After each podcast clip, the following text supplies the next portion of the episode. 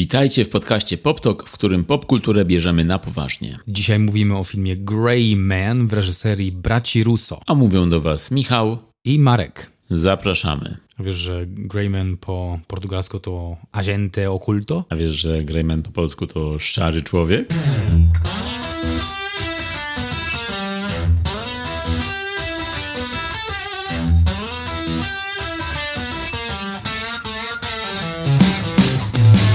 Prawda, to prawda. Chociaż ta literka R przeszkadza, żeby mieć zupełnie inne znaczenie. I tu by się przydało to zdjęcie Goslinga jako Ken. Dokładnie tak. Pamiętasz, jak miałem problem, żeby powiedzieć słowo news i powiedziałem newsu? Pamiętam to. Classic. Classic idiot. tak, dwa, niu, dwa newsły dzisiaj, E, ale trochę powiązane ze sobą, bo, bo dotyczą filmów. Jeden dotyczy Comic Conu z San Diego. Tam było dużo rzeczy potwierdzonych ze strony filmowców, ze strony, ze strony Marvela, Netflixa, Amazon, DC, e, Nolana i innych produkcji mniejszych, większych, które się pojawią w przyszłości. No i mamy około 18 potwierdzonych tytułów od Marvela w, dla szóstej fazy. Mamy cztery tytuły od Netflixa, dwa od Amazona, trzy od DC. Pojawił się zwiastun Oppenheimera i Johnego Wicka. Johnny Wick. Why is this funny? Jo John Wick. John Wick. Johnny brzmi jak Johnny Bravo. A, bo to jest John, nie Johnny. Tak, tak, tak. Okej, ale to chyba nadal można powiedzieć Johnego, nie? Chyba, że to jest prequel i tam jest młody Johnny Wick. Johnny Wick, lata szkolne. High School. No dobrze, no to niech będzie John Wick. John Wick 4. Nowy zwiastun pojawił się i, i był, i jest w sieci dostępny. I jest jeszcze 9 pozostałych seriali i ja tak specjalnie mówię mm, cyfrowo, bo jest tego naprawdę dużo i jakbym miał teraz tytuły wymieniać, to trochę by zeszło, więc zachęcam was do sprawdzenia sobie, co tam Marvel ogłosił. Yy, Powtarzam, szósta faza ze strony Marvela, ale jest też Netflix, Amazon, DC, także takie no, giganty będą prezentować kolejne produkcje. Widziałem, że będą nowi Avengersi. Za kilka lat będzie Avengers Kang Dynasty i będzie w końcu to e, spekulowane Secret Wars, o którym krążyły teorie, że to wszystko tam zmierza i że to jest na podstawie komiksu Secret Wars, którego nie czytałem, ale podobno ma być drugi Infinity War i Endgame. Mmm, to brzmi zachęcająco. Że jakieś znowu skumulowanie bohaterów e, wszystkich w jednym miejscu, nawet więcej niż podobno właśnie w Endgame. Tak, i będzie, będzie w serialu przedstawiona nowa postać, która będzie też w tych filmach, e, w tych właśnie finałowych Avengersach. Nowy villain, Yeah, which is nice. co jest miłe. Czytał Michał Miller. No i to jest jedna rzecz, ale druga rzecz jeszcze, to tak szybko wtrącę, chyba że chcesz wtrącić w mój wtrąt. Nie, na razie możesz w ty wtrącić, a później wtrącę. Millie Bobby Brown pojawi się w produkcji braci Russo, o których zresztą dzisiaj będziemy rozmawiać. Film, który będzie stworzony, to film na podstawie książki Simona Stolenhaga pod tytułem The Electric State. Opowiada o alternatywnej rzeczywistości w roku 97 mm, w tej historii technologia VR jest na tyle rozwinięta, że zastępuje rzeczywistość, a Millie Bobby Brown bierze swojego ziomeczka, robota, w sensie nie człowiek, jest to ziomeczek, który jest urządzeniem i wyruszają w podróż, aby znaleźć brata Millie Bobby Brown, czyli Mi- Michelle w tym e, filmie. Scenariuszem zajmą się bracia Russo, Christopher Marcus i Stephen McFeely, czyli podobnie jak w filmie The Grey Man. Także zajęci są bardzo bracia Russo, nie, nie odpoczywają, nie, nie odpuszczają. Nie, nie, no już od czasu, kiedy weszli w Marvela, to chyba rzeczywiście są tak na topie, że nie chcą z niego zejść już.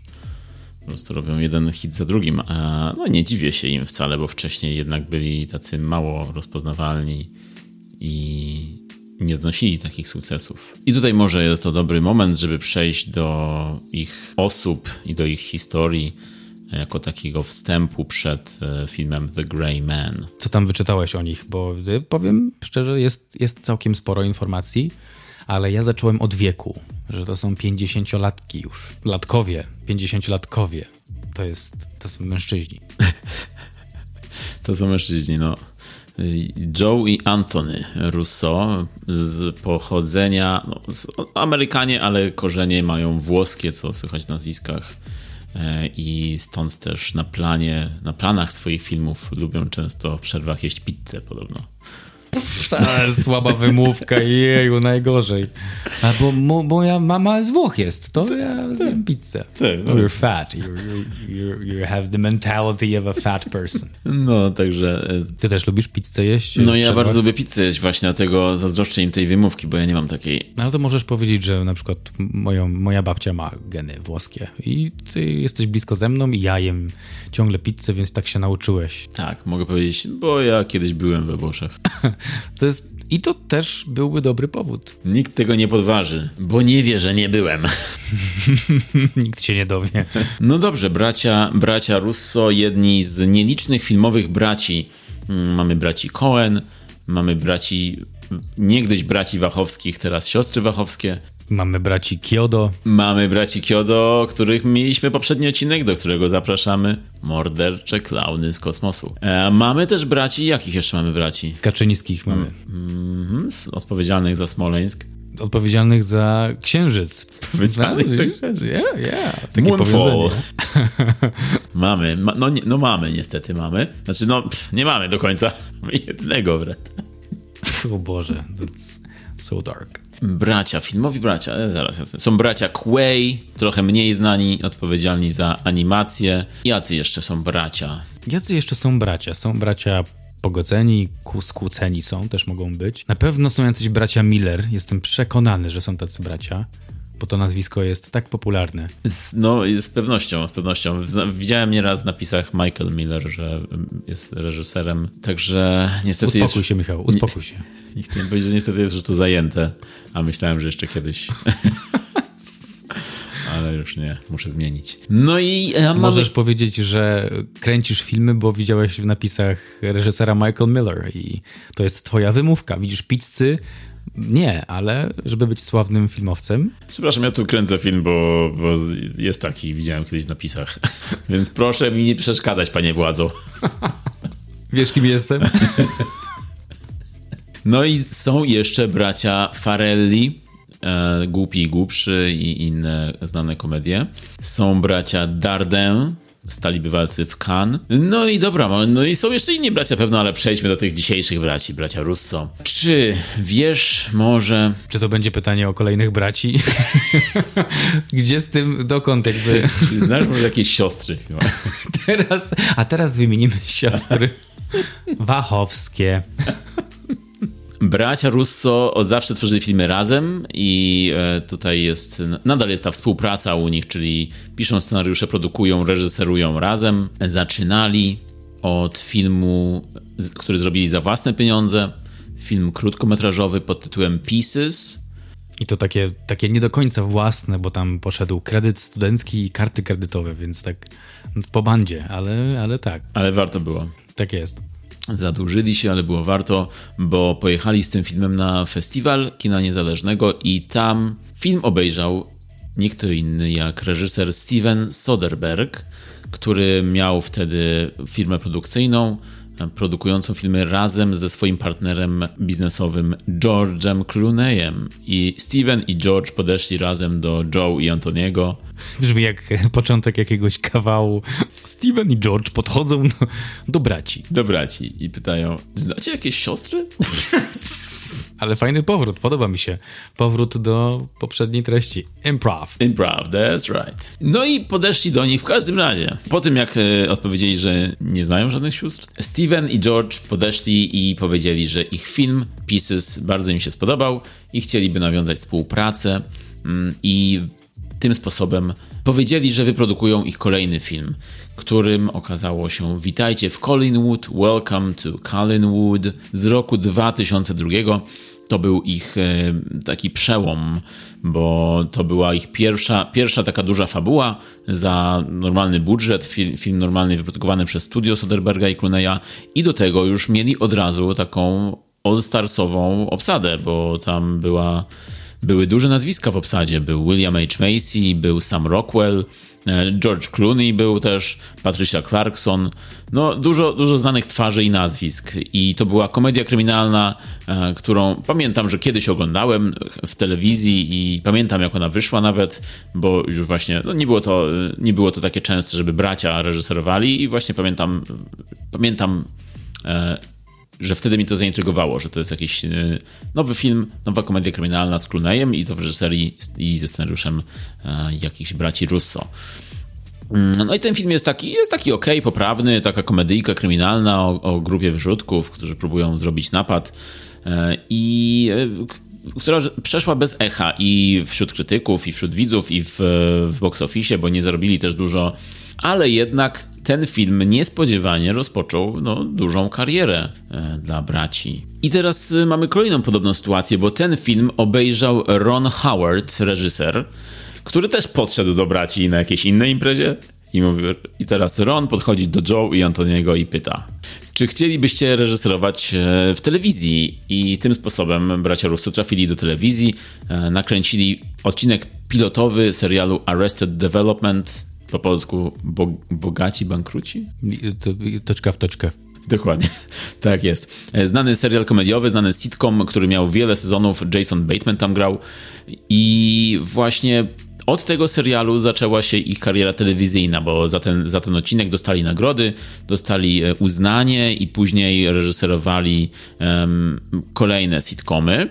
A z tych sitcomów w 2006 roku przeszli do filmu kinowego, e, który już okazał się większym sukcesem. Była to komedia e, Ja, Ty i On. You, Me and Dupree. Film, z, który odniósł duży sukces, ch chyba głównie dlatego, że grał tam Owen Wilson, który był wtedy na fali. Wow.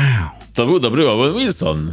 Hej, hej Owen. Wow. Co ty tu robisz, Owen? No i ten film okazał się sukcesem e, właśnie kasowym. Dużo zarobił, chociaż tak naprawdę dzisiaj no, wątpię, żeby ktoś go pamiętał. To jest taka komedyjka, którą można obejrzeć, można się pośmiać, ale nie jest to klasyk żadnej komedii w żadnym razie. No i bracia Russo dalej kontynuowali swoją pracę w telewizji przy kolejnych sitcomach. E, robili, robili serial Happy Endings na przykład. Pracowali przy serialu klasycznym Community, bardzo, bardzo znanym i lubianym.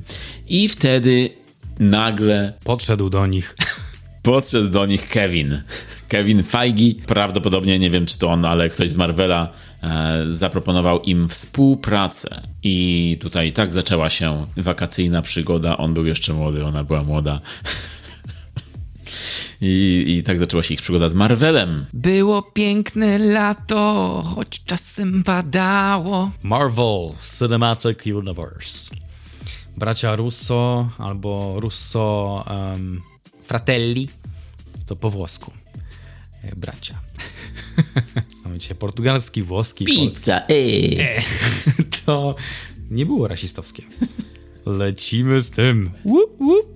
Bracia Russo wyreżyserowali w 13 roku Zimowego Żołnierza, a w 14 roku była premiera. No ale w 2012 już e, rozmawiali o tym, z Marvelem, żeby wyreżyserować drugą część e, Kapitana Ameryki. Kapitana, Amery Kapitana Amerykę? Drugą część Kapitana Ameryki. Ki.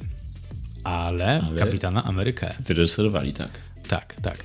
Więc to jest trochę pokręcone, ale bear with me. 2012 bracia Russo wchodzą do studia i mówią Elo, mordeczki, ym, Marveleczki, zrobimy drugą część Kapitana Ameryki, no i w 2014 roku wyszedł Kapitan Ameryka Zimowy Żołnierz, uważany za jeden z lepszych Marveli, bo to był taki, mm, taki zwrot Marvela ku kinu tak, gatunkowemu. To był taki wtedy szpiegowski um, thriller akcji, w którym grał Robert Redford, czyli nawiązanie też do starej tradycji lat 70, kina lat 70. E, także był to, był to jakiś przełom właśnie. Mówiło się wtedy, że ci bracia Russo to mają dobrą rękę do tego Marvela i że, że coś nowego próbują zrobić. Dlatego zostali tam i w 2016 zrobili Kapitana Amerykę Wojnę Bohaterów Civil War, która też okazała się jednym z ulubionych filmów fanów. No i tutaj już było kolejne dwa lata i już znowu Avengersi, Wojna bez granic, film ogromny, spektakularny, największy Marvel do tej pory, który miał swoją kontynuację w 2019, Avengers koniec gry, Endgame. No to już te dwa filmy, to, że oni zrobili te dwa filmy i doszli do takiego momentu w te 15 lat od filmu Witamy w Collingwood za grosze do, do takich wielkich kasowych, ogromnych filmów, które zarobiły najwięcej w box office. Przecież e, bracia Russo stali się w tym, wtedy, w tamtym momencie, jednymi z najlepiej zarabiających reżyserów, najbardziej kasowych. Chyba tylko Steven Spielberg ich wyprzedzał e, jako, jako takich, jako reżyserów kasowych. No, oni byli na drugim miejscu, a ich film był na pierwszym miejscu box office'u wszechczasów. E, tam razem z Awatarem i tam się prześcigali. Raz jeden, raz drugi był na pierwszym miejscu. Zależy, kto akurat wpuścił swój film do kin po raz kolejny. No i bracia Russo byli na szczycie świata, można powiedzieć, bo dzięki temu Marvelowi stali się stali się bardzo rozpoznawalni i dostawali wiele propozycji. Kiedy jednak skończyli tę współpracę z Marvelem, poszli w coś innego, czyli starali się coś, trochę zmienić swoje klimaty, zrobili film Cherry, Niewinność utracona, zostawili Toma Hollanda w głównej roli, który grał Spidermana u nich w Marvelu I ten Cherry zrobili dla, dla platformy Apple'a. To był taki już no, inny film, ale nie, nie do końca udany. Taki troszkę wydłużony i przeciągnięty i niezdecydowany, ale nadal efektowny, trzeba, trzeba to im przyznać. No i w tym roku właśnie pojawił się Greyman. Tutaj weszli we współpracę z kolejną platformą streamingową, czyli najpierw był Apple, teraz jest Netflix, a czytałem, że kolejny też ma być gdzieś w przyszłości Prime Video, czyli Amazon. Tyle w temacie braci Russo. A my teraz zjemy pizzę. That was awkward. Back to the show. A co z Ryanem Goslingiem, który tu się pojawił? Co, co, co tam u niego słychać? Ryan ma dzieci. Ma dwójkę dzieci. Ma dwójkę dzieci? No. Z tą samą kobietą, z którą jest od 10 lat? Z Ewą. Adam, Ryan i Ewa. Raj i Ewa. Hmm. I tak, tak, tak jest. Ryan Gosling jest 41-letnim e, aktorem w tym roku. On ma 41 lat. Jak on wygląda? Jego scena rozbierania się. Ach, zaraz dojdziemy do tego, Michał, ale 41 lat i mieć takie ciało. Bro. Nie powiem, że się nie zgadzam, bo rzeczywiście myślę, że każda kobieta i każdy mężczyzna też to rozumie. Miejmy nadzieję, że to jest uniwersalne piękno. Tak. Nie, no tak, rzeczywiście. Tutaj wybiegnę chwilę w przyszłość, bo będziemy zaraz mówić o filmie, ale tam na początku filmu Greyman jest ta scena, kiedy jest młody Ryan Gosling i później jest 18 lat później, jest starszy Ryan Gosling i ja wtedy sobie pomyślałem, ale przecież on wygląda tak samo. Przecież po co?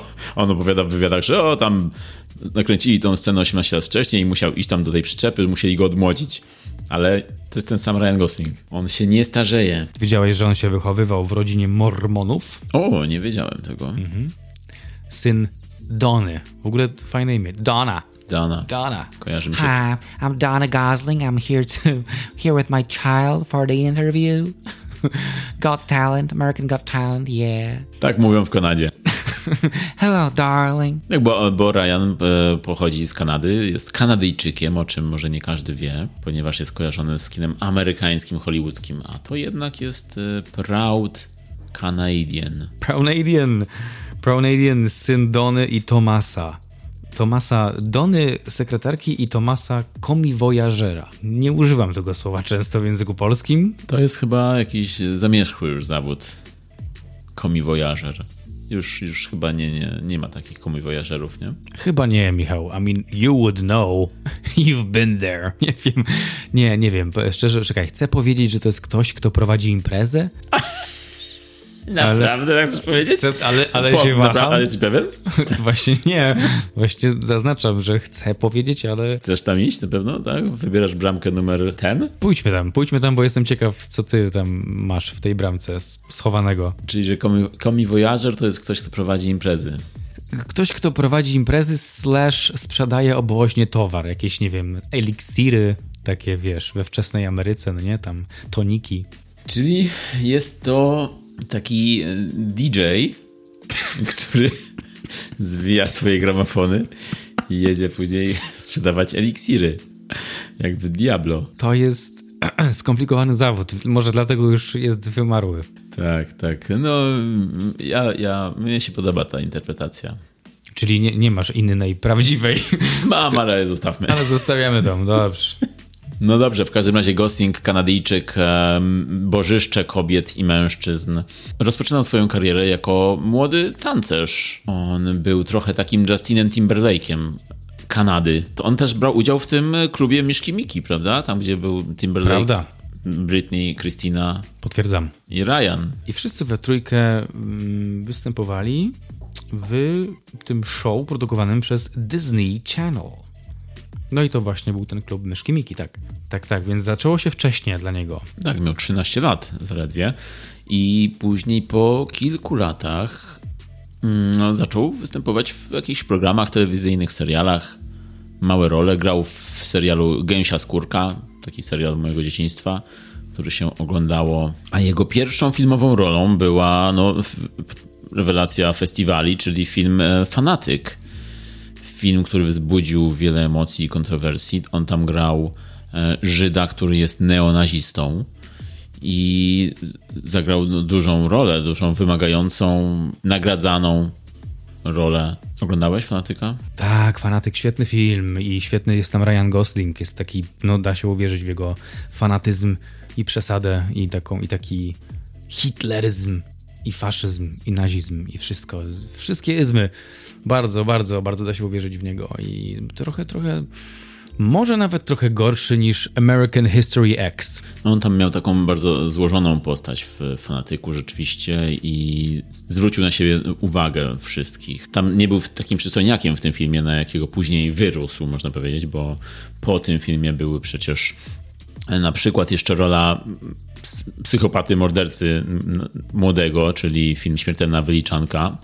E, A później dopiero przyszła ta kariera, wielka kariera przy 2004 roku, kiedy zagrał w romansidle Pamiętnik, The Notebook na podstawie książki Nicolasa Sparksa i on tam zagrał taką rolę uwielbianą przez nastolatki. Dostał zresztą przecież za to mm, MTV Movie Award, chyba tak. Za pocałunek chyba to była jakiś Tak. najlepszy pocałunek Tak, tak. Rachel McAdams. Zgadza się, tak, tak. Więc to była taka rola, która później się ciągnęła za nim. On był takim amantem już. e, Od, tej, od tego momentu został amantem, do którego wzdychały nastolatki. Ale on nie chciał, nie chciał takiej kariery dla siebie. On chciał czegoś więcej. Widać, że to jest wymagający aktor, który dobrze dobiera rolę.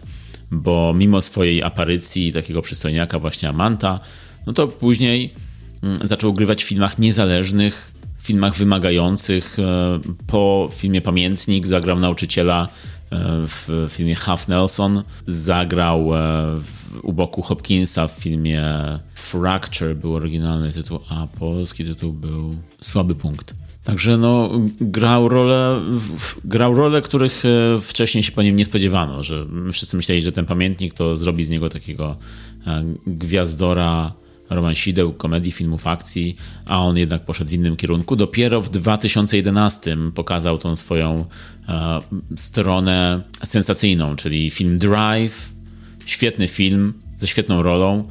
E, Film Nicolasa Windinga Refna, który obsadził Goslinga w roli takiego mruka, takiego dobrego bohatera, który nic nie mówi, który po prostu jest w tym filmie. On tam e, prowadzi samochód, robi dobre rzeczy, pomaga, e, ratuje, i, ale praktycznie przez cały film ma albo jedną minę, albo mówi tylko dwa słowa. Także to, ten image też został z nim na, na kolejne filmy. Takiego cichego em, bohatera. On chyba jest takim aktorem z natury cichym, to znaczy to pokazuje nawet y, poza nagraniem, jak rozmawialiśmy, że jak powiedziałeś, że on, wiesz, że on miał grać y, doktora Strange'a? And I was like, yeah, bo trochę to widzę, bo Strange też, Cumberbatch ma niewiele twarzy jako Strange, on jest taki pomruk, taki trochę jest i, i y, widzę też Goslinga w takiej roli. Jest taki statyczny trochę chłopak. Tak, tak, tak. Nawet w wywiadach pokazuje taką swoją twarz prywatną, jako taki jest żartowniś, taki ma takie poczucie humoru, nie jest Jimem Carreyem, ale ma takie poczucie humoru takie trochę e, sarkastyczne i tak potrafi, potrafi na miejscu wymyślić taki fajny żart, ale przy tym jest nadal taki spokojny, cichy, uroczy. No, no, fajny gość z niego widać tak prywatnie. Tak towarzysko, fajny może być też e, dodatek. Ma taki suspensowy nawet ten, to poczucie, suspensowe takie poczucie humoru, że coś takiego puści mm, w, w, w eter, co za chwilę do ciebie dotrze jako, jako coś śmiesznego. Mhm, tak. No i później po Drive poszły jeszcze też było Kocha lubi szanuje, film komedia romantyczna, w której też grał po warunkach, bo grał przystojniaka, który uczy podrywać, ale też e, obok takich ról właśnie bardziej komercyjnych grał w filmach takich jak Drugie Oblicze, też rolę bardziej wymagającą, czy też u Adama McKeya w filmie Big Short zagrał. No i później poszedł w musical La La Land nagle wielki sukces i wielka rola, ale też nie, nie, spodziewano się tego po nim, chociaż przecież był tancerzem całe życie, młode, więc było to w jego, w jego zasięgu. Nawet w podobnej kolorystyce się ubierał jako tancerz.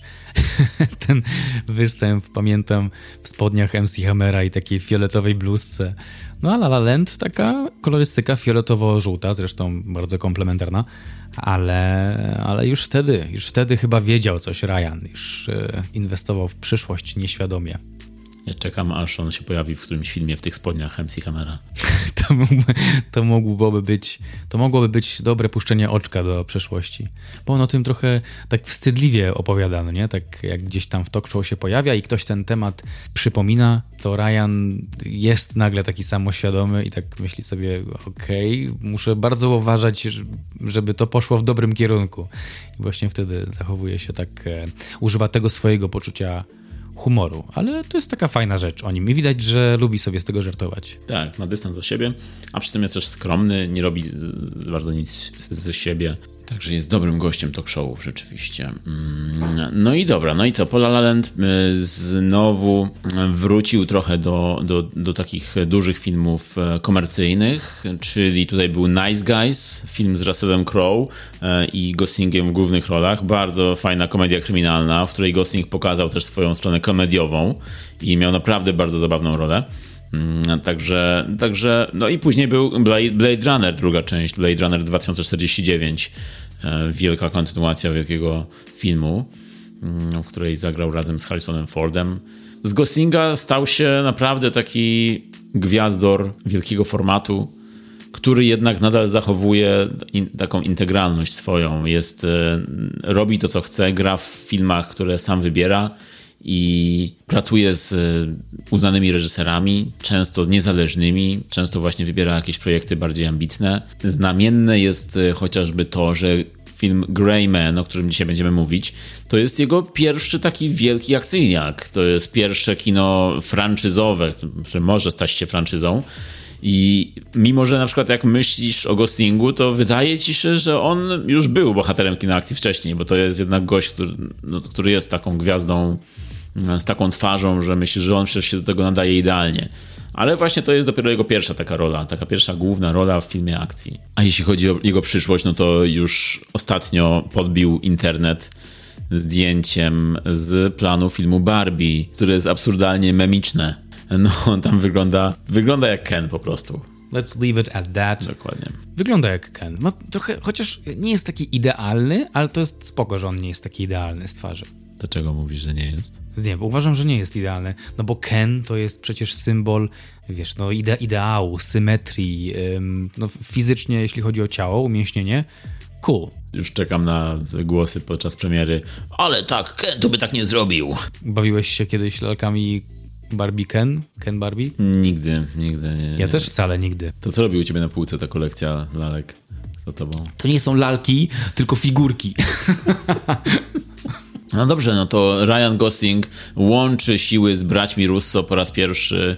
Do tego jeszcze dorzucają Chrisa Evansa i Anne de Armas. I mamy film The Grey Man, po polsku Szary Człowiek. Pał, pał, pał. Ale to w ogóle obsada jest taka soczysta.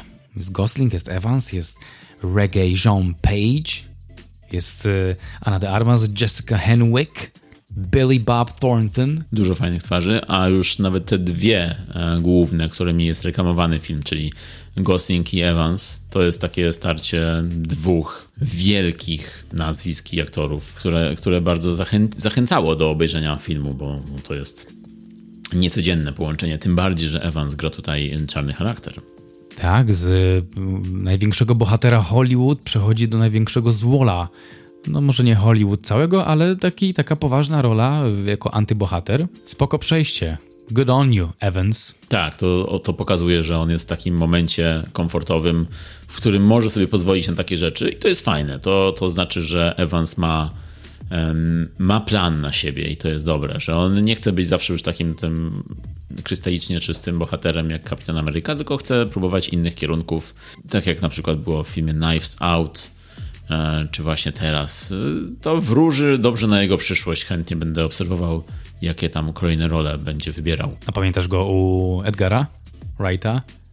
Scott Pilgrim. A, tak, tak, tak, rzeczywiście zapomniałem o tej roli. No tak. Tam też był złolem, złolem na deskorolce, takim przesadzonym, ale śmiesznie się oglądało. Zapomniałem o tej roli całkiem. No patrz, to, to, to znaczy, że daleką drogę przeszedł od tego momentu. Tak, bo on trochę, bo on na początku różne role wybierał, trochę były takie komedyjki, a potem zaczęła się faza Marvela i on w tym ostał i teraz z tego wychodzi całkiem też umiejętnie, więc pewnie dobrych agentów ma, ale to, co mówiłeś o tych dwóch twarzach, które reklamowały ten film niejako, to dla mnie to była taka dobra wizytówka, jak widziałem plakaty. Chociaż Evansa nawet nie mogłem rozpoznać na tych plakatach, bo tak jakoś profilem stał, tak już wtedy pokazywał, że e, jestem zły, mia, ale, ale nie, nie, nie mogłem go rozpoznać na początku. Mówię, co to za, co to za policjant z lat 80. Ja też, ja też rzeczywiście bardziej mi przypominał Milesa Tellera na przykład z Top Gun. No, tak. Tak, też, też, na, też na pierwszy rzut oka na tych billboardach i plakatach nie rozpoznałem go. Albo Clive'a Owena, czy, czy kogoś właśnie w tym stylu. Także no tak, tak. A Chris Evans jeszcze tylko wspomnę, że przecież on zaczynał jako właśnie taki amant, który grał w komediach. E, takie role takich surf-dudów albo e, w filmie Komórka grał właśnie takiego gościa, e, czy zresztą przecież grał w Fantastycznej Czwórce. On taki był zawsze taki przystojniak, który gra tam albo z tyłu, albo gdzieś tam wychodzi na pierwszy plan, ale nigdy nie jest tam główną jakąś atrakcją filmu. Dopiero właśnie Kapitan Ameryka go wyniósł do tej sławy i od tej pory już jest takim, no, a-list Hollywood actor. Triple A. Represent. Kim jest Greyman? Zastanawiałeś się w ogóle? Zadałeś sobie to pytanie? No dobra, Rousseau, ale kto jest szarym człowiekiem? Dajecie nam dwóch człowieków. Tak, zastanawiałem w głównej się. roli mężczyzn. No i Anę, która jest... Oj, ona jest świetna. Ale, ale jakby kim jest ten man? Czy to jest mężczyzna, czy człowiek? No wydaje mi się, że ja z tego, co się zastanawiałem... Polscy dystrybutorzy patrzą na ten tytuł i tak, nie, nie, I'm done. Fuck this shit. nie tłumaczę. Nie. Tak jest, tak jest. Był pro, by, były różne propozycje. Był szary człowiek, była szara eminencja, szaraczek, ale nie, nie, stwierdzili, że zostawiamy. Usuniemy tylko the i będzie git. E, także zastanawiałem się nad tym i no, wydaje mi się to oczywiste, że to chodzi o Goslinga, który jest tym szarym takim człowiekiem, który trzyma się w cieniu i on jest po pierwsze takim właśnie e, agentem CIA, który który jest od zadań takich e, specjalnych i ma być tak na uboczu, tak nierozpoznawalny, niezauważony. A z drugiej strony on też chce, tak, chce się tak trzymać z daleka od tego i chce po prostu iść do domu i chce być takim szarakiem. On nie chce na siebie zwracać uwagi tak naprawdę. No tak w filmie to było trochę wyjaśnione, że mm, w ogóle tymi ludźmi Grey Men byli ludzie, którzy brali udział w tym programie Sierra. No i on jako tam Sierra Six, czyli szóstka, on był Greymanem i ten jego no ta postać, którą spotyka w trakcie filmu, czyli Sierra 4, czyli czwórka, on też był Greymanem, czyli to jakby to jest ta postać taka bardzo szpiegowska, tak ogólnie mówiąc. Tak, bo jak słychać już z tego, co mówimy, no to Greyman ma wiele wspólnego z na przykład Bondami, czy z Jasonem Bournem. To jest taki tak naturalne przedłużenie tego, co było wcześniej w kinie szpiegowskim, w kinie akcji. On się nie różni praktycznie ani jako bohater, ani jako film od właśnie serii Fleminga czy serii um, Ludluma. Film Greyman też powstał na podstawie książki, właściwie serii książek autorstwa Marka Greeny, Marka Greeneya, Marka Greeniego. Napisał je Mark Greeny. Tych książek jest obecnie 10, a 11 powstaje, także ewidentnie będzie z tego mm, uniwersum. Już nawet bracia Russo ogłosili, że będzie z tego uniwersum i będą sequele i, i spin-offy. Ale zanim to się stało, to 10 lat temu mm, powstał pomysł, żeby nakręcić właśnie ekranizację tej pierwszej książki. I nawet właśnie powiązani z nim byli bracia Russo już od początku, bo chcieli napisać scenariusz. E, mm, później e, Później, jako że byli zajęci Marvelem, to mieli hmm, miała nastąpić zmiana i Brad Pitt miał zagrać główną rolę, a reżyserować miał James Gray. Wyobrażasz sobie? Co to by było? Przepraszam, kim jest James Gray? Nieważne, ale chodzi mi o nazwisko.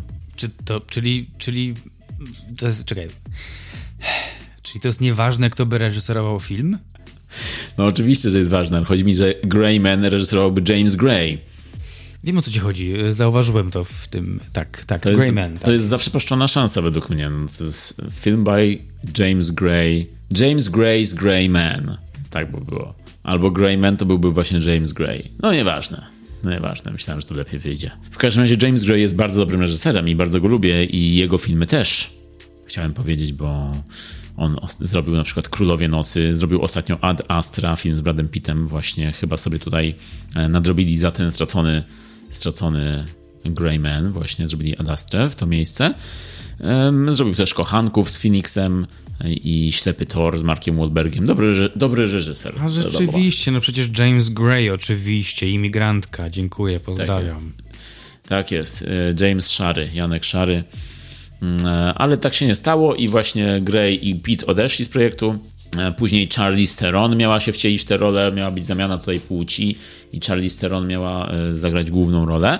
E, ale to też nie doszło do skutku i bracia Russo wrócili do projektu. Ich firma produkcyjna przejęła Greymana i napisali scenariusz. Właściwie jeden Russo napisał scenariusz razem z Christopherem Markusem i obaj wyreżyserowali, a w głównej roli obsadzili Ryana Goslinga i tutaj też wrócili do swojego ulubieńca z Marvela, czyli Chrisa Evansa.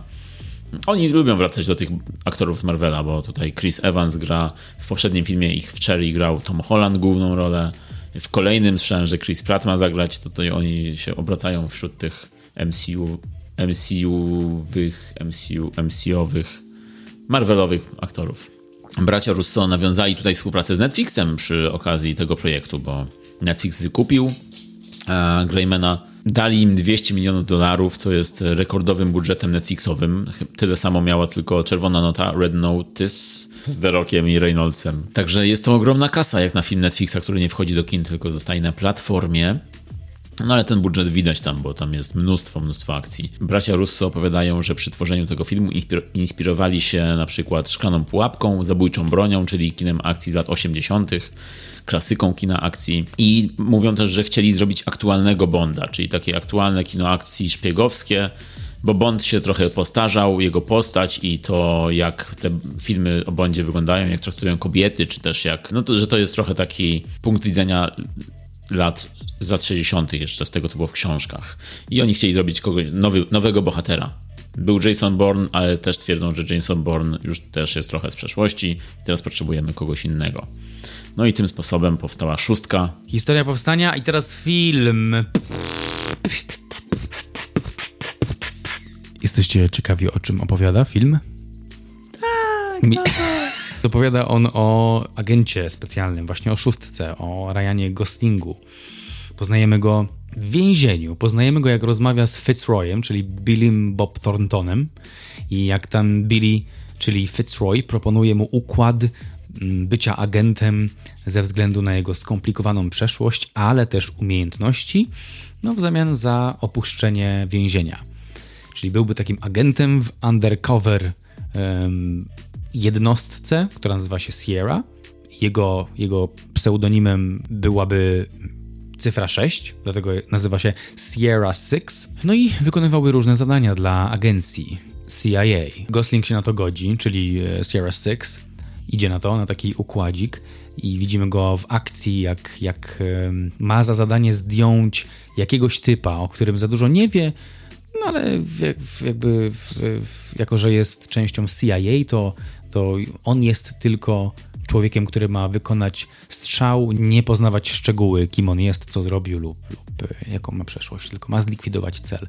I podczas tej misji zauważa, że do tego celu podbiega dziecko, więc nie zabija tego celu na miejscu, ale em, tak manipuluje em, budynkiem, żeby wszyscy się ewakuowali i żeby Gosling miał inną drogę do zlikwidowania tego celu, nie taką oczywistą, żeby ten jego cel nie zmarł na oczach dziecka po prostu, więc jest tam w nim taka miękka strona. No i dochodzi do starcia między tym jego celem a szóstką, czyli Goslingiem, w którym to okazuje się, że jego cel to czwórka, czyli gościu również z tego samego programu tajnych agentów, który przeszedł Ryan Gosling. No i pojawia się konflikt, czy zabijać typa, czy nie, ale zabijać i ten typ przy śmierci twierdzi, że jest dużo brudów w CIA i, i on ma pendrive'a, który te wszystkie brudy zawiera. No i prosi szóstkę, czyli Goslinga, żeby ten pendrive wziął ze sobą, żeby jakby ujawnił to wszystko, bo tak po prostu być nie może. I Gosling twardo mówi, że nie zrobi tego, że nie, nie, nie. E, No ale tego pendraka wziął ze sobą i zaczyna kombinować. I w momencie, gdy już wziął tego pendraka, to podpisał wyrok na siebie, ponieważ CIA zależało na tym, żeby ten człowiek zwany czwórką był zabity i żeby cokolwiek tam miał zostało przechwycone i z powrotem do bazy CIA, żeby było zniszczone. A Gosling powiedział: A, a, a, ja to wezmę i wyślę pocztą gdzieś tam i nie wiecie gdzie. No i tu się trochę zaczyna film, ponieważ ten przedstawiciel CIA, ten kierownik, czyli Carmichael, grany przez Reggae John Page'a, mm, zatrudnia Evansa, czyli psychopatę, zabójcę psychopatę, który był wcześniej zwolniony z CIA za dużo nielegalnych akcji, w tym nielegalne tortury. I mówi do niego, hej typie, um, Lloyd, Lloyd, bo tak miał na imię, jest taki ziomeczek, e, nazywa się Sierra Six i chce, żebyś go zlikwidował i Lloyd tak casualowo e, podczas tortur innego mężczyzny odbiera telefon i mówi, a spoko, spoko, spoko, zajmę się tym.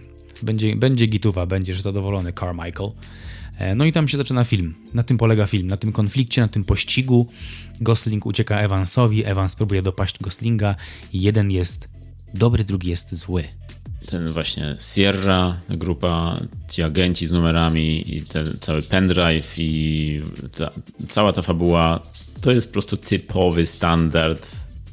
Coś, co możemy w każdym kinie akcji, w każdym kinie szpiegowskim y, zobaczyć. Czyli no tak naprawdę, no nie będziemy spoilerować tego filmu, ale tak naprawdę tam nic nie ma zaskakującego, jeśli chodzi o scenariusz. Dlatego na przykład ja zastanawiałem się w trakcie seansu, jak wygląda książka, bo jako, że to jest taka ekranizacja i wszyscy mówią, że wow, ta książka była super, musieliśmy nakręcić ten film, to się zastanawiałem, ten film jest bardzo wizualny i tam jest dużo akcji i to znaczy, że co, że w tej książce też cały czas opisują wybuch, Obrazki. obrazki, opisują wybuchy, czy to są noce i dnie, właśnie opisują przyrodę i Boom!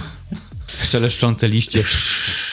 Tak, no właśnie zastanawiałem się nad tym, bo tam właśnie scenariusz jest tam najbardziej podstawową i najbardziej przeszkadzającą rzeczą ogólnie. Dlatego, że, dlatego tak, jeśli ktoś czytał książkę Greyman, to prosimy o kontakt, Albo oglądał. żeby oglądał książkę, bo może tam są obrazki rzeczywiście. Ale to fajnie, że na tym etapie już dowiadujemy się, że mamy podobne zdanie. Ciekawe, co z tego wyjdzie. Czy będziemy jak Ryan Gosling i Chris Evans? To znaczy, że, że co to znaczy? To może znaczyć wiele rzeczy. W sensie, że jeden zagra w Barbie, a drugi zaraz e, będzie miał wąsy?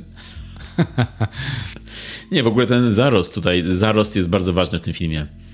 Męski zarost tutaj. E, To jest bardzo ważne w tym filmie. Nie scenariusz, zarost. tak, tak, no bo nawet na plakatach, na billboardach te ich twarze, Ryan Gosling ma tą brudkę razem z wąsami, taką fajną, cool, a, a Chris Evans ma te takie wąsy wąsy. O, tam było kiedyś takie słynne zdjęcie Chrisa Evansa, jak był młodszy i miał taką właśnie takie wąsy starego policjanta e, i taką fryzurę i, i wyglądał po prostu jak, jakby miał iść zaraz na, po tańcówkę do remizy.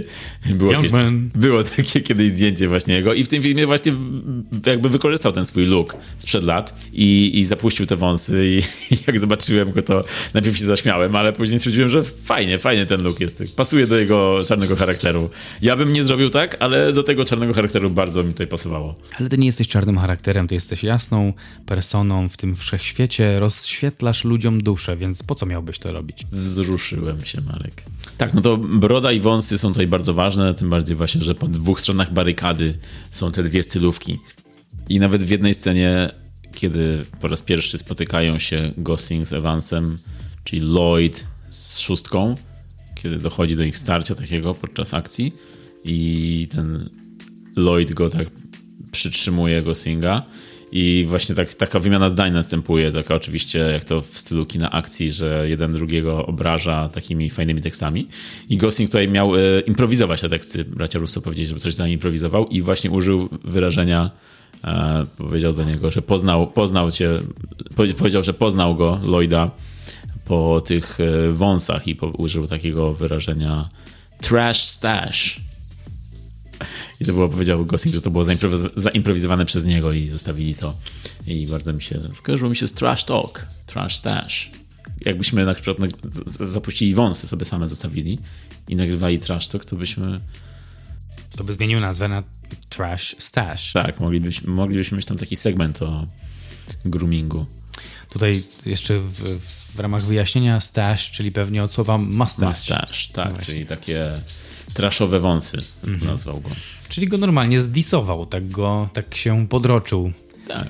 Oni z tak, nim. oni tak się ogólnie tu droczą tak między sobą i to takie zabawne teksty rzucają do siebie, bo, bo teksty są dobre. Mi trochę przypominały te, te wymiany zdań, przypominały mi trochę kino Shane'a Blacka, czyli Ostatni Scout, e, czy właśnie dialogi w Zabójczej Broni trochę. Tam są takie zabawne wymiany zdań i, i często się tam parskna, parskałem często. To prawda, tak, no, zabójcza broń. Dobry przykład. Zresztą szóstka, kiedy em, tam się przekomarzają z postacią Anna de Armas, którą gra, no tam też też były takie momenty, że się śmiałem. Tak, to było bardzo przyjemne w tym filmie. Te dialogi, których nie było za dużo, jak się pojawiały, to były takie, powiedziałbym, w tempie filmu. W tempie filmu akcji, jakim był ten właśnie film. Pełnym zdaniem, a? Bardzo ładnie. I co jeszcze powiesz o tym filmie? Jak tam, a jak tam, jak tam muzyka, Michał? No bo akurat jeśli chodzi o muzykę, to aż sobie zapuściłem ten album na Spotify'u, bo, bo fajna ta muzyka była. Taki fajny soundtrack do kina akcji rzeczywiście I, i, i chętnie go słuchałem później, przygotowując się właśnie, żeby być w klimacie. No fajne. Pamiętasz muzykę? Czy tak przeleciała ci, nie pamiętam? Powiem szczerze, że właśnie mi przeleciała trochę. Nie, nie miałem takiej chęci, że hej, ale fajny motyw muzyczny, muszę, muszę to ogarnąć totalnie, mieć na dzwonku i na pobudkę. Granie na czekanie. Ojej, było coś takiego. Jest chyba jeszcze, tak tylko inaczej już się, to już jest y, passé, tak mówić o tym, no nie? Pewnie, pewnie tak, pewnie tak. Jesteśmy w tym momencie, jesteśmy, jesteśmy passé. Nikt nas w tym momencie nie rozumie. Ja w kilku, podczas kilku akcji, jak była taka muzyczka ta, taka z napięciem, to wiecie, że zwróciłem na nią uwagę i powiedziałem, o fajne, fajne, muszę później posłuchać. No i akcji tutaj mamy pod dostatkiem, bo jest praktycznie od początku do końca no jest tylko prolog, a później zaczyna się akcja, akcja, akcja. I z jednej akcji do drugiej przechodzimy i, i tempo jest naprawdę zawrotne. Jak na film dwugodzinny z, z kawałkiem, to w, ogląda się go dosyć dobrze, bo bardzo dużo się tam dzieje i, i naprawdę każda z tych akcji jest zrobiona na wysokim poziomie. I przy- przypominało mi nawet czasami trochę serię Szybcy i Wściekli, późniejsze części, choćby ten pościg w Pradze. Podobała Ci się scena w Pradze? To jest moja ulubiona sekwencja w Pradze. Praga to jest to. Ale jak powiedziałeś o szybkich i wściekłych, no to operator w tym filmie zajmował się również szybkimi i wściekłymi. Steven Winden.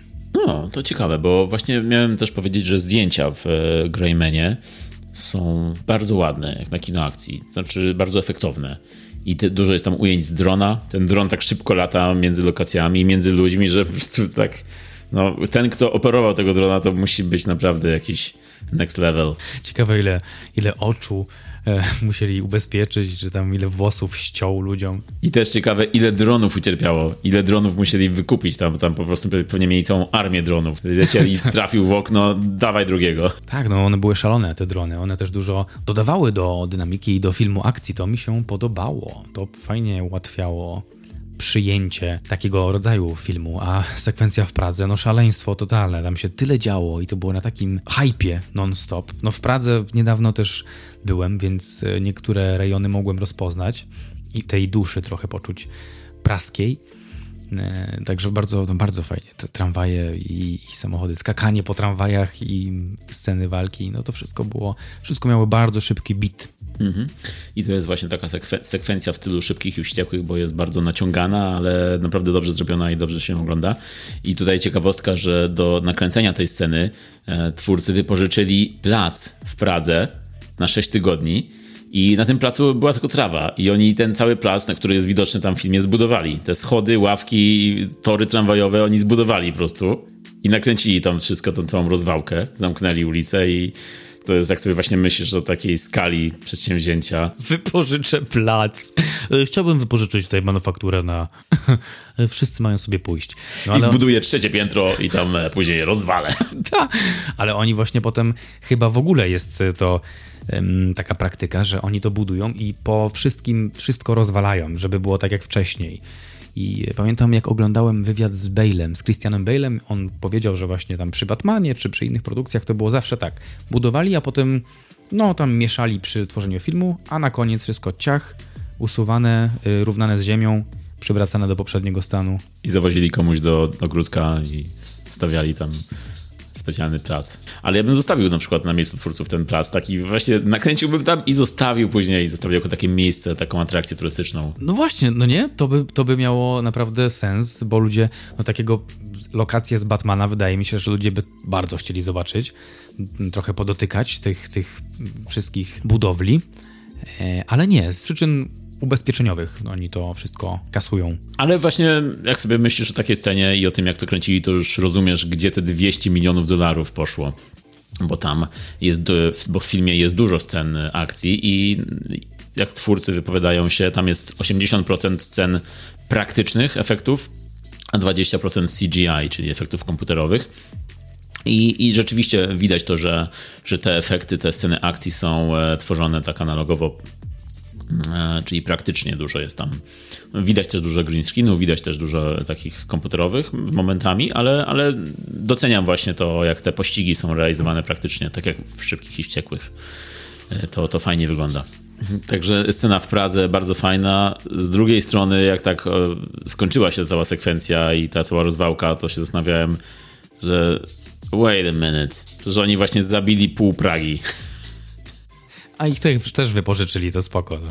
Chcielibyśmy wypożyczyć policję, 300 osób, e, trzy tramwaje,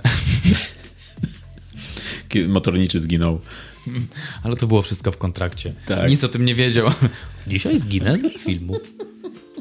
Ale to prawda, to prawda. Też o tym myślałem, jak zaczęli, zaczęli już od likwidacji jednej osoby w budynku, całkiem poważnej likwidacji, likwidacji, bo tam jakiś granat chyba wybuchł i przyjechała policja, praska i tam wydzierają się do Goslinga, że tam na ziemię, gleba, żeby się odwrócił i w ogóle był aresztowany.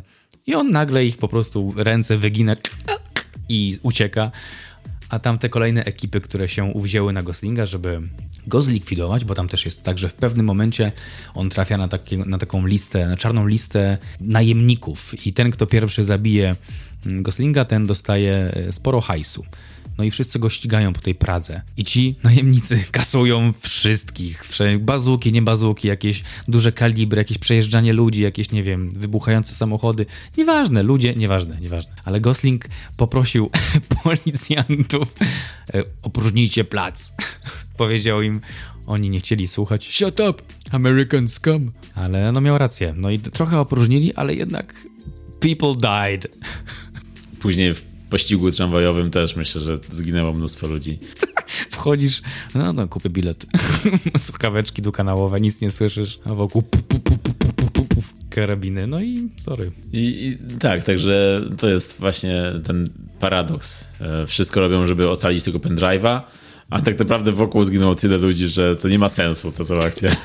Po pendrive'a. Ja w ogóle zastanawiam się, ej, a co z motorniczym? Przecież w takich sytuacjach tramwaj staje, no nie? Jak, nie wiem, jest bazuka w niego rzucona, wybucha, jest jakaś awaria, no to po prostu awaryjne hamowanie. A ten jedzie po tej Pradze. Jeszcze szybciej. Jak zwolnimy do 50 km, to zginiemy. Jano Reeves za kierownicą nagle się pojawił. Szalone to było bardzo, ten tramwaj tak zasuwał. Ja. Tak, cała ta akcja była szalona, ale właśnie oni chcieli w tej scenie ustrzelić Goslinga. Ta cała akcja polegała na tym, że Lloyd wyznacza e, nagrodę za głowę Goslinga i tam tylu najemników jest, że, że, że nie można ich policzyć i ka każdy ma zabić Goslinga, z tym, że też się zastanawiałem, on tam się chowa za tą ławką, e, wszyscy do niego strzelają z każdej strony, a w pewnym momencie ktoś wyjmuje bazukę i strzela do policji, a czemu tą bazuką nie strzela na przykład w tą ławkę? Przecież macie bazukę, byłoby łatwiej. Ale nie, oni tam podchodzą do niego i strzelają, i strzelają. Oczywiście wygląda to super efektownie i fajnie się ogląda, ale właśnie takie szczegóły jak ta bazuka. To jest coś, co Taika Waititi w swoim filmie by na pewno wyszczególnił. Na zasadzie, hey guys, but is, you have bazooka. Just shoot this guy. Tak, tak byłoby. Właśnie wyobrażam sobie, jak on tak wychodzi z zakadru i... Okej, okay, lads. To by było w jego stylu, ale niestety to jego film nie był, albo stety. No tak, także dużo akcji, jest sporo poczucia humoru w filmie, e, fabuła rzeczywiście, no tutaj już jest dużo gorzej, no ale przede wszystkim jest to akcyjniak, tak, jest to Netflixowy film akcji, który masz obejrzeć wieczorem i się zrelaksować, tak. E... Jeszcze jedna akcja mi się przypomniała, bo oni mieli, oni mam na myśli Anę de Armas i Ryana, mieli fajną chemię. Anna jest świetną aktorką, po prostu świetnie gra i w różnych rolach się sprawdza. Tutaj trochę mniej miała, mm, mniej potencjał jej był, był wykorzystany. E, ta rola nie zakładała rozwoju postaci, ale do tego jeszcze wrócę. Mm, natomiast te ich takie przebitki dialogowe, w tej całej akcji, jak, jak gdzieś razem ruszali, ktoś im uciekał, czy oni byli w pościgu, uciekali przed kimś, to jest taka jedna wymiana, która mnie rozbawiła, jak e, pojawił się jeszcze inny najemnik, agent, żeby zlikwidować Goslinga i zaczęli go ścigać wspólnie z Aną i Ryan rzucił jej karabin jakiś czy jakiegoś shotguna, tam ona była na takim, na budynku, więc jej do góry podrzucił i ona biegła wokół tego budynku, żeby doścignąć, żeby dogonić tego y, agenta najemnika i go skasować. I jak już dobiegła na miejsce i była naprzeciwko niego, była na tym miejscu, że miała czysty strzał, no to pociągnęła za spust i broń nie wystrzeliła, bo nie była nabita. I ta ich wymiana potem podałeś mi nienabitą broń. I Ryan mówi, nigdy się nie podaje nabitej broni. Kto podaje nabitą broń? Kto jakby podrzuca a jakbym wiedziała, że nie jest nabita, to bym się ciebie spytała. Przecież nie było czasu, żebym ci powiedział, że jest. I, i zaczynają o tym tak, gadać, tak. jakby to było, jakby to było po prostu tak. E, bardzo fajna, bardzo fajna scena, bardzo fajny dialog. I później ten zresztą powraca ten motyw nienabitej broni jeszcze parę razy i też się roześmiałem. Także tak, tak. To właśnie to są te dialogi, które mi się kojarzyły z filmami Shane'a Blacka i bardzo mi się podobały. A jak już mówimy o Anie de Armas, y, no to ona zagrała tutaj podobną postać jak w Nowym Bondzie, w tym ostatnim Bondzie. Mm, I ona bardzo się nadaje do takich ról. Ona jest taką kick-ass e, bohaterką. I podobało mi się to, że ona tutaj jest na, na równi na, z Goslingiem, że ona jego ratuje częściej niż on ją, że to bardziej ona jest tą wybawiającą z opresji i jest naprawdę taką twardą babką, która na przykład też doceniam to, że w takim filmie ona nie jest jakoś seksualizowana, tylko ona jest traktowana jako taki prawdziwy bohater kina akcji tutaj. Czyli nie jest tak, że w, spódniczce, w spódniczce biega i, i kopie, tylko ona naprawdę wygląda jak, jak, jak Gosling na przykład, tak? Czyli e, strój bojowy, e, obeznanie z bronią, widać te, te ruchy, te kocie ruchy. Mi się podobało bardzo ta jej postać i rzeczywiście jest e, trochę, jeśli chodzi o znowu scenariusz i i rozwinięcie tych postaci, no to wszystkie te postacie są jednowymiarowe. Gosling ma w pewnym momencie taki e, flashback i widać trochę jego motywację z przeszłości, jego relacje z ojcem. Jest to jakiś właśnie fajny zabieg, taki dający większy, większy wymiar temu bohaterowi. Oczywiście jest to nadal mało, ale zawsze trochę więcej. Dokładnie się, zgadzam się ze wszystkim, co powiedział pan przed chwilą te postaci są bardzo mało rozwinięte, są takie użytkowe, żeby tylko fabuła gdzieś tam do przodu, jako taka fabuła gdzieś tam do przodu poszła, ale Goslinga mamy przez chwilę z takim, ale czemu on taki jest? I trochę tam widzimy, że w tej wannie był podtapiany, czy... A w ogóle, jak widziałem tą scenę z przypalaniem. Jak siedzieli w samochodzie i Gosling sobie zakrywał rękawem bliznę po przypaleniu i moja pierwsza myśl była moja pierwsza myśl, a, to fajny ojciec, bo ich hartuje. Przyzwyczaja ich do bólu. moja pierwsza myśl. Should I be a father? I mean, oceń sam, ale, ale to była moja pierwsza autentyczna. A bo on jakby pokazuje im, czym, czym jest ból, więc ich hartuje na tych, na żołnierzy, no nie, że jest gitara. Powodzenia, dzieci Marka. Jest, jest okej. Jeśli jest to okej. słuchacie i coś się dzieje, to mrugnijcie dwa razy. I, i, I najśmieszniejsze jest to, to wcale nie będzie śmieszne prawdopodobnie, ale... Ale jest najśmieszniejsze. Ale jest naj, że pomyślałem inaczej dopiero przy scenie podtapiania. tak, ooo. Więc, A, okej. więc on się znęcał nad nim. A to w tę stronę. A. Więc Tak. trochę, trochę Goslinga poznaliśmy. rzeczywiście trochę poznaliśmy. Mm, e, Natomiast jeśli chodzi o czarnego, czarny charakter, no to e, też tutaj Chris Evans bardzo fajnie gra, ale też no to jest to taka jednowymiarowa postać um, złoczyńcy, który po prostu em, jest, jest socjopatą, szaleńcem i wszystko robi szalone rzeczy. Mm, Bardzo mi się podobała ta postać, właśnie lubię takich złoczyńców i Evans tutaj się bawił setnie widać w tej roli. No i też dialogi miał bardzo fajne. Pamiętasz? Taki był jeden dialog. If you wanna make an omelette, you gotta kill some people. Ojej, rewelacja, żart o zabijaniu ludzi, świetne. Nie, to że było, było naprawdę zabawne to, jak tak pamiętam, że akurat trochę nie zwracałem uwagi w tym momencie filmu i to powiedział i od razu wróciłem. Wait, wait, what? Ja znam wersję z jajkami. Także ja czekam na sytuację w prawdziwym życiu, kiedy będę mógł użyć tego dialogu. Myślę, że w nadchodzącym roku, który będzie kryzysowy, możesz, możesz tak tłumaczyć polityków. E, Jeśli chcesz zrobić omlet, musisz zabić kilka osób. Tak, tak, tak, dokładnie. To będzie można użyć tego. Przy tej inflacji na pewno niedługo już. E, także, no, no, Evans ma tutaj naprawdę fajne, chyba najlepsze dialogi filmu i też najśmieszniejsze momenty przy finałowej konfrontacji, walce Evansa z Goslingiem jest taki mały szczególik, który mnie bardzo rozbawił, kiedy on nagle zatrzymuje się, siada i zdejmuje buta i wysypuje kamyki z buta i walczy dalej.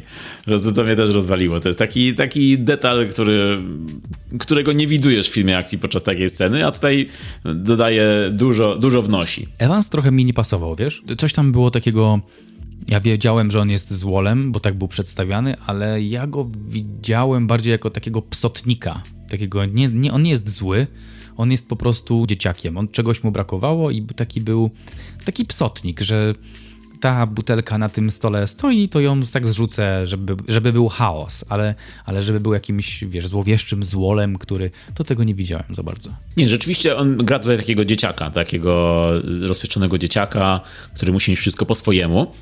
I mnie się właśnie to podobało, to podejście do złoczyńcy, bo, bo było to trochę inne, trochę nie, rzadko się widuje takich złoczyńców w tym stylu, który ma fajne teksty, jest zabawny, jest denerwujący i gdybyś go zobaczył, gdybyś go poznał, to prostu byś nie chciał mieć z nim do, do czynienia.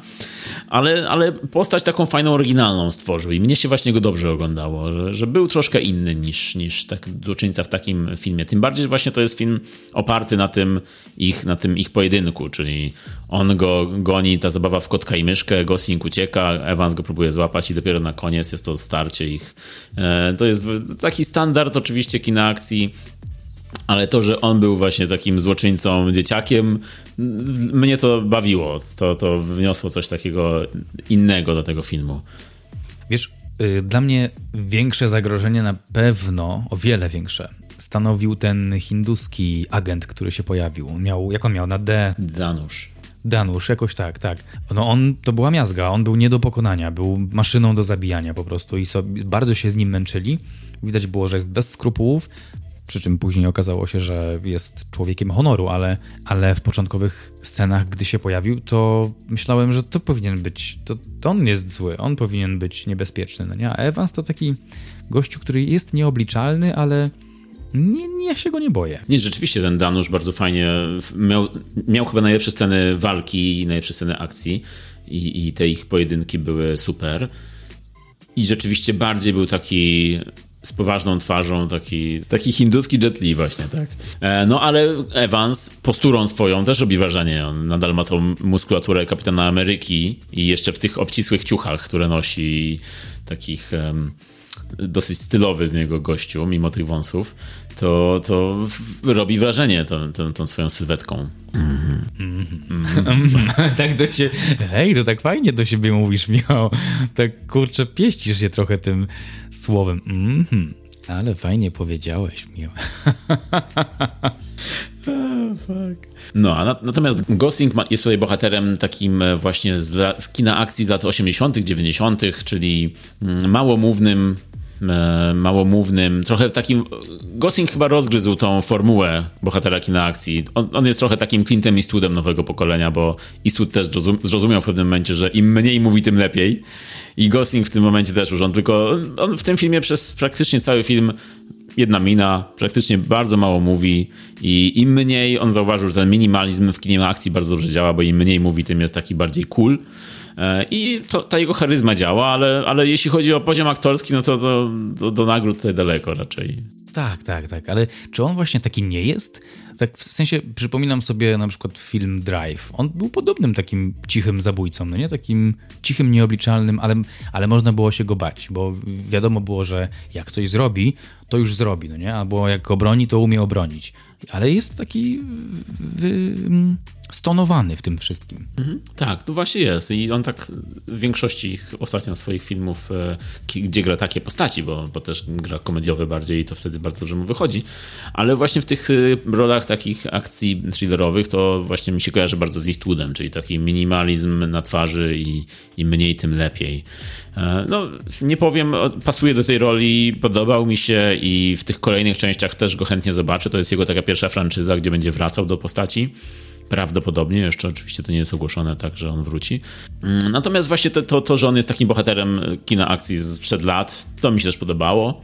Mm, to, że on jest taki, że on tam nie chce być, on, on chce to załatwić tę robotę i chce wrócić, to, to jest też dobry motyw. No i to jak on, e, to, że on jest trochę takim super bohaterem tutaj. No to są bracia Russo, oni robili Avengersów, tutaj widać te Avengersowe klimaty, to, że oni są normalnymi ludźmi, agentami CIA, ale jednak te moce superbohaterskie tam się przewijają. To, że on tam nagle zatrzymuje się, słucha i przez ścianę kogoś słyszy i strzela do kogoś przez ścianę i zabija go. Takie momenty właśnie to są skina właśnie w stylu Avengers, czyli tak jakby on był superbohaterem.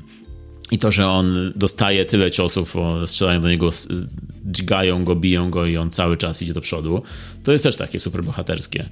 Także tutaj echa Avengersów myślę, że nadal w, w, u braci Russo słychać. I can do this all day. A nawet to, że, sam, że to są agenci, ludzie, a to jest mowa często też o bogach. Gosling ma tatuaż, opowiada o tym, że ma tatuaż Syzyfa na ręce i opowiada, że, że to opowiada tam o bogach, opowiada o Syzyfie nagle. Też taki tutaj detal, który ma pokazać jego postać. A są to takie widać już motywy, do których chyba Russo lubią wracać. Tak jak do pizzy. To są dwa motywy, bo bogowie i pizza, to, to jest to. Albo bogowie jedzący pizzę. Jak siedzą na przerwach, w przerwach na planie, to spożywają pizzę i... A ty o jakim bogu ostatnio myślałeś? Ja myślałem, wiesz, o o Bogu mórz tym razem, wiesz? I, I, fascynuje mnie. To może weźmiemy pizzę morską następnym razem. z owocami morza.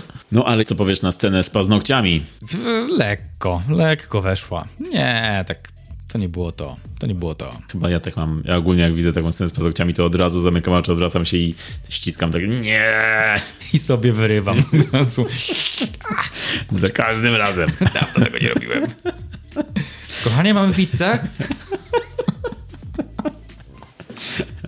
oczywiście wiem, to jest obrzydliwe i to jest takie jeszcze przy dobrym dźwięku, to jest takie odrażające, jak słyszysz to powolne odklejanie paznokcia od palca, tą, tą mlaskającą krew. No starczy. to, jest, to jest nieprzyjemne, ale w, jakoś w tym filmie to nie było wizualnie pokazane, to było tylko takie, że ja nawet, szczerze mówiąc, nawet nie byłem pewien, czy on oderwał ten paznokieć. Były później te paznokcie pokazane, jak leżą. I, do, i właśnie w ten sposób się dowiedziałem. Nie było pokazane, że jak odchodzi, tylko e, tam e, ten Lloyd, czyli Evans, pyta się, czy e, tam go torturuje i mówi mu, żeby powiedział, gdzie jest ten Sierra Six i coś tam mu robi tymi cążkami, czy tam kombinerkami, ale dopiero dowiadujemy się o tym, że nie ma paznokci, jak obok widzimy na stole. Więc to, był taki, to była taka łagodna forma tortur, bo wizualnie to było niedostępne. Tak. Mhm. Tak mów dalej. Ale ciebie skręcało, tak? Jak, Tak, ja tak mam ze scenami z paznokciami ogólnie, nie wiem. ale tylko paznokcie, czy jakieś inne jeszcze części ciała? Paznokcie głównie, jak widzę. Jest, jak już... e, Dobra, skończmy ten temat. A jak Bonda torturowali i uderzali go liną w krocze, pamiętasz? Pamiętam, bolało, ale jednak paznokcie... To nie paznokcie. To nie paznokcie. Okej, okej. Dobra, podsumowanko. Ding, ding, ding. Film Grey Man. Przepraszam, The Grey Man, a po polsku samo Grey Man. Szary człowiek. Obviously jest filmem akcji o sporym potencjale aktorskim. On ma szybkie tempo i tak żwawo zaprasza do, e, do swojej imprezy, na swój pokład. Wszystko tam krzyczy filmem sz- szpiegowskim i dynamiką, widać to bardzo. I nie wiem, czy na tym nie polega też część problemu. Bo ta dynamika przydaje się szalenie w takich kwestiach operatorskich. Szybkie cięcia, podążanie za aktorem w scenach walk, ta kamera trochę, trochę mimikuje ruchy aktorów podczas walk czy pościgów. E, establishing shoty są często z dronów e, tworzone, kreowane. Ten dron wlatuje we wszystkie postaci albo między budynkami, między tam oknami. E, zabiera nas ze sobą, żeby pokazać jak wszystko działa, gdzie co jest, żebyśmy znali mapę E, nie tam jakiś dolly in e, śmieszny, czy tam jakiś inny zoom, tylko wszystko jest dronem. To mi się podobało, bo tu, tutaj ta dynamika i mm, to tempo filmu akcji bardzo fajnie się spotykało z tym dronem. Na tym poziomie byłem bardzo pochłonięty. Tylko gorzej już było z aktorstwem, bo te szybkie cięcia i ta dynamika, e, ona nie pozwalała się aktorom, w mojej opinii, wygrać tak do końca. My nie mieliśmy okazji ich poznać za bardzo. Oni nie mieli też okazji stworzyć jakiejś przekonującej postaci, tylko ciach, ciach, ciach, pomóc ci? Nie, dam radę, to ci pomogę. I tak z jednego do drugiego, do trzeciego, do czwartego Ryan albo leci z samolotu i ląduje i otrzepuje się po prostu z kurzu i I'm fine, that's okay. Albo skacze po tramwajach, albo się rozbiera. By the way, to była super scena, jak się rozbiera. 41 lat, I mean, To zaraz ty. tak chcę, tak chcę wyglądać w wieku 41. Jeszcze troszeczkę czasu jest, jeszcze jest. Trzy miesiące. Także dialogu jest y, raczej mało. Większość gry to takie tajemnicze spojrzenia, taka gra spojrzeń i, i enigmy w stylu drive trochę. Tak jak u nas. Nas też mało dialogu w większości spojrzenia. Oni o tym nie muszą wiedzieć. Nawet więcej, nie powinni. To jest oczywiście coś, e, te takie, ta, ta tajemniczość, już o tym trochę rozmawialiśmy, to jest potrzebne, to dodaje czegoś em, fajnego w takim filmie, tylko wydaje mi się, że mm, bra- brakowało mi jakiejś równowagi, albo to było źle wyrównane. Mówiliśmy wcześniej o, o tym Pareto, tym em, podziale Pareto 80 na 20, tak? To dla mnie 80% to była właśnie akcja, 20 to dialogi, czyli niewiele. Trochę mi tego brakowało, bo to byli, to są aktorzy z ogromnym potencjałem, ogromnym doświadczeniem. E, Widzieliśmy ich w różnych rolach i naprawdę mogliby stworzyć coś em, głębszego. A miałem wrażenie, że chyba najwięcej wiem, co już zdementowaliśmy w trakcie nagrania o tym fotografie, który miał zrobić Goslingowi zdjęcia do nowego paszportu. Tak miałem wrażenie, że jego znam najlepiej z nich wszystkich, mimo że znamy go przez chwilę, no nie? Ale znamy jego motywację, wiemy czym się zajmuje na co dzień i tak jakby okej.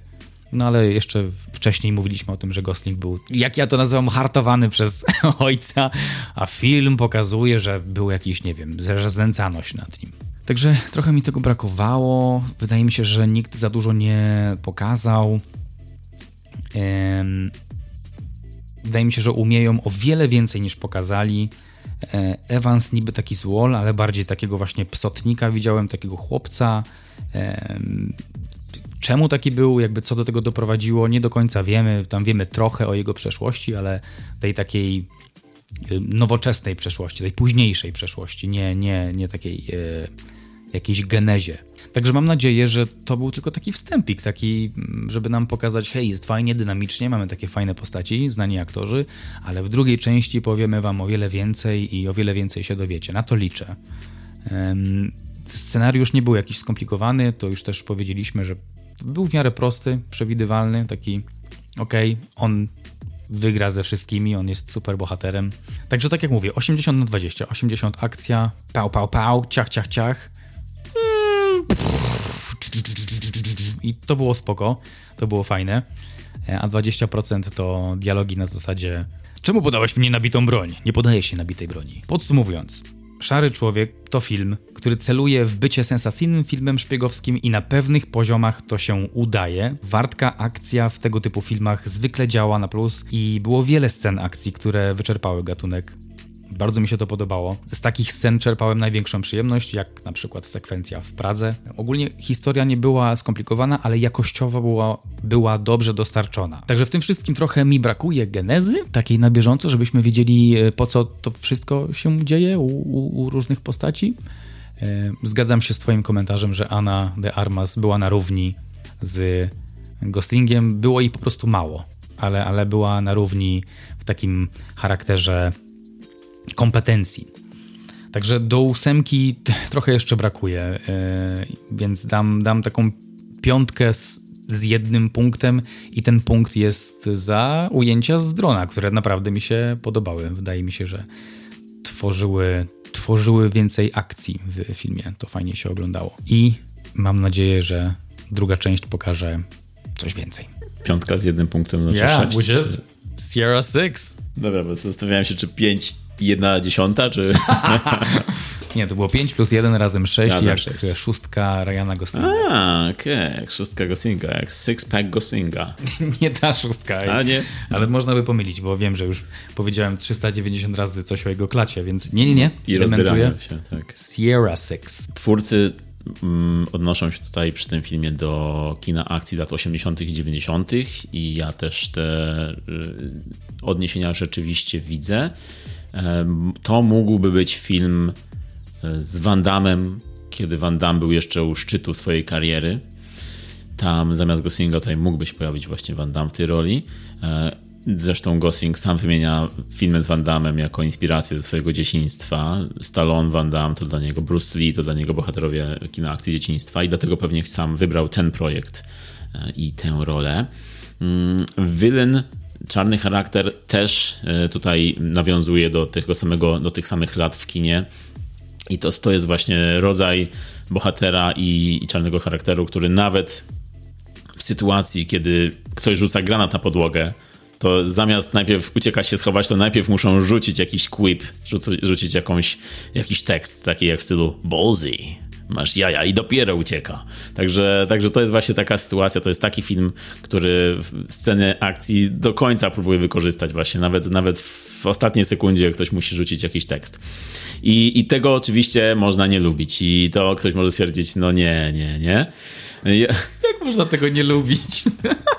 Napiszcie, proszę, kto tego nie lubi. Tak jest. No, dokładnie. Tak mi się to podobało właśnie. Ale, a, ale no to, to jest coś w stylu y, serii Szybcy i Wściekli, tych późniejszych części, kiedy twórcy zrozumieli te konwencje i, i grali akcją i komedią i mrużyli oko.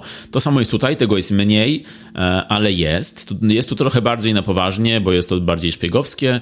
Jest tutaj standard fabularny, ale to się ogląda i wizualnie angażuje. Mnie na przykład druga połowa bardziej zaangażowała, bo tam się dużo działo i, i naprawdę nie było czasu nawet, żeby, nie wiem, złapać telefon, sprawdzić pogodę.